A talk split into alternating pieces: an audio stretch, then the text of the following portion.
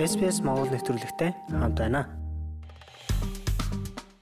Австралид дэгдэж байгаа ковидын шин давлгаа дахиад масктай зүүн болох уу?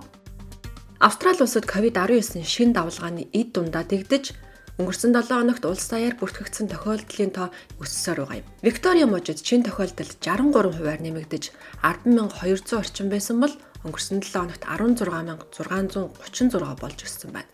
Харин New South Wales мужид 7 хоног бүр халдвар авсан тохиолдол 7000 гаруйгаар нэмэгдэж өнгөрсөн 7 хоногт 19,800 болжээ.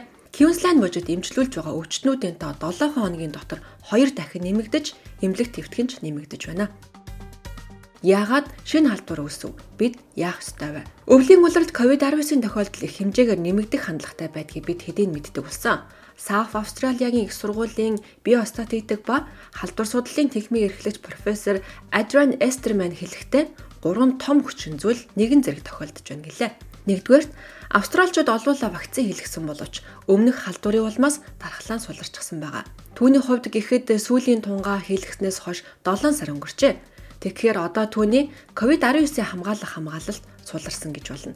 Тэгэхээр халдвар ав бол хүндрэх амнасаа алдах эрсдэл дахиад үүсчихсэн байж болно гэсэн үг юм. Надад хамгаалалт байгаа хэвээр байгаа ч энэ нь 7 сарын өмнөх шиг хүчтэй биш болсон. Над чиг маш олон хүн ийм байдалд байгаа хэмээн профессор ярьлаа. Хоёр дахь шалтгаан бол одоо дэгдэж байгаа халдвар нь дид хөлбөр BA5-аас хамаагүй илүү хурдан халдварлах чадвартай.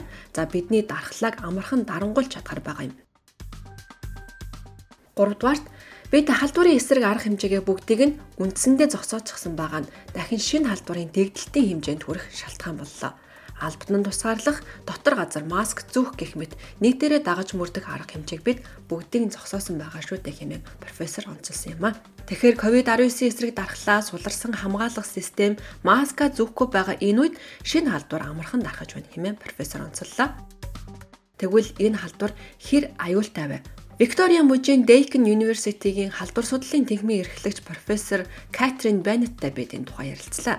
Тэрээр энэхүү шинэ хувилбар өмнөхүүдтэй төстөө. Зар энэ нь илүү хүнд өвчин үүсэхгүй гэж тэрээр SBS News ярьсан юм. За гэхдээ халдварын төвшин өндөр байгаа нь илүү олон хүн эмнэлэгт хэвтэх шалтгаан болж байна гэдгийг өөрсдийн туршлагаасаа бид харж байна хэмээн онцлоо. Профессор Эстерман хэлэхдээ зарим шинжээчид энэ шин давлгаа өмнөх шигээ удаан үргэлжлэхгүй эсвэл тийм ч хүчтэй байж чадахгүй гэж үзэж байна. Хүмүүс яагаад ингэж хэлж байгааг учир нь бид Сингапурт болон Францад дэгдсэн халдварыг харж байгаа бөгөөд тэгээд нь BA5 хүртэл өндөр биш нэлээд богино настай байсан гэж тэрээр ярьсан юм а. Гэхдээ Австральд эдгээр улсуудад ижил зүйл тохиолдно гэсэн баталгаа байхгүй. Халдвар авсан хүний бие хүндрэх, удаа хугацааны ковид болох, нас барах эрсдэл хэвээрээ байгааг тоохгүй орхиж болохгүй хэмээн тэрээр онцлоо. Энэ тухайд эрх баригчид юу хийж байгаа вэ? Queensland мужийн хувьд гэхэд иргэдээ сонор цэрэмжтэй байхыг анхааруулсан. Гэхдээ сандрах хэрэггүйг сануулжээ. Ингээд нийтийн тээвэр болон эрүүл мэндийн байгууллагад маска зүүхийг зөвлөж байгаа. Харин Австралийн шийдвэр гарах төвсний хүрээнд халдварын тоо нэмэгдүүц өссөнийг тооцоолж байгаа. Харин бусад муж нутаг дэвсгэрийн засгийн газар өнөө хүртэл зөвлөмжөө өөрчлөөгүй хэвээр байна. Энэ зуныг коронавирусын халдваргүй өнгөрүүлэхийн тулд хүмүүс бид юу хийж чадах вэ? Хамгийн сүүлийн мэдээлэлээр Австралийн вакцин хийлгэж шалгуур хангасан хүмүүсийн 72.2% нь 3 дахь тунгаа хийлгэсэн байна. Харин 30 ба түүнээс дээш насны хүмүүсийн дөнгөж 42 гаруй хувь нь 4 дахь тунгаа хийлгэсэн багамаа. Профессор Беннет хэлэхдээ вакцины хамгаалалттай байгаа нь үнэхээр чухал. Ялангуяа олон нийтийн дунд вирус тархаж байгаа энэ үед хэмээн онцоллоо хүнд суур өвчнөд өртөмтгийн хүмүүст анхаарах хэрэгтэй. Учир нь вакцины хамгаалалт нь таныг эмнэлэг твтүүлэхгүйгээр хамгаалах болно гэдгийг тэрээр хэлсэн юм а. За одоогийн байдлаар вакцины 5 дахь тунг цорын ганц бүлэгт зөвлөж байгаа. Энэ бол 16 ба түүнээс дээш насны дархлааны хүнд хэлбэрийн бууралттай хүмүүст хийхийг зөвлөж байгаамаа. Эрсдлийг бууруулах бусад арга хэмжээний талаар мэрэгчлэтнүүдийн өгсөн зөвлөгөө хэвээр байгаа. Дотор газар амны хаалтай зүүч боломжтой бол олон нийтийн газар явхаас зайлсхийж гарын ариун цэврийг сайтар захиж өвчтөө үедээ гэртээ байж шинжилгээ хийлгээрэй. Удахгүй зуны амралт эхлэх гэж байна. Хүн бүхэн төлөвлөгөө гаргаж байна. Таны гаргах шийдвэр нийгмийг дахин том дэгдэлтээс хамгаалахад нөлөөлнө гэдгийг битгий мартаарай.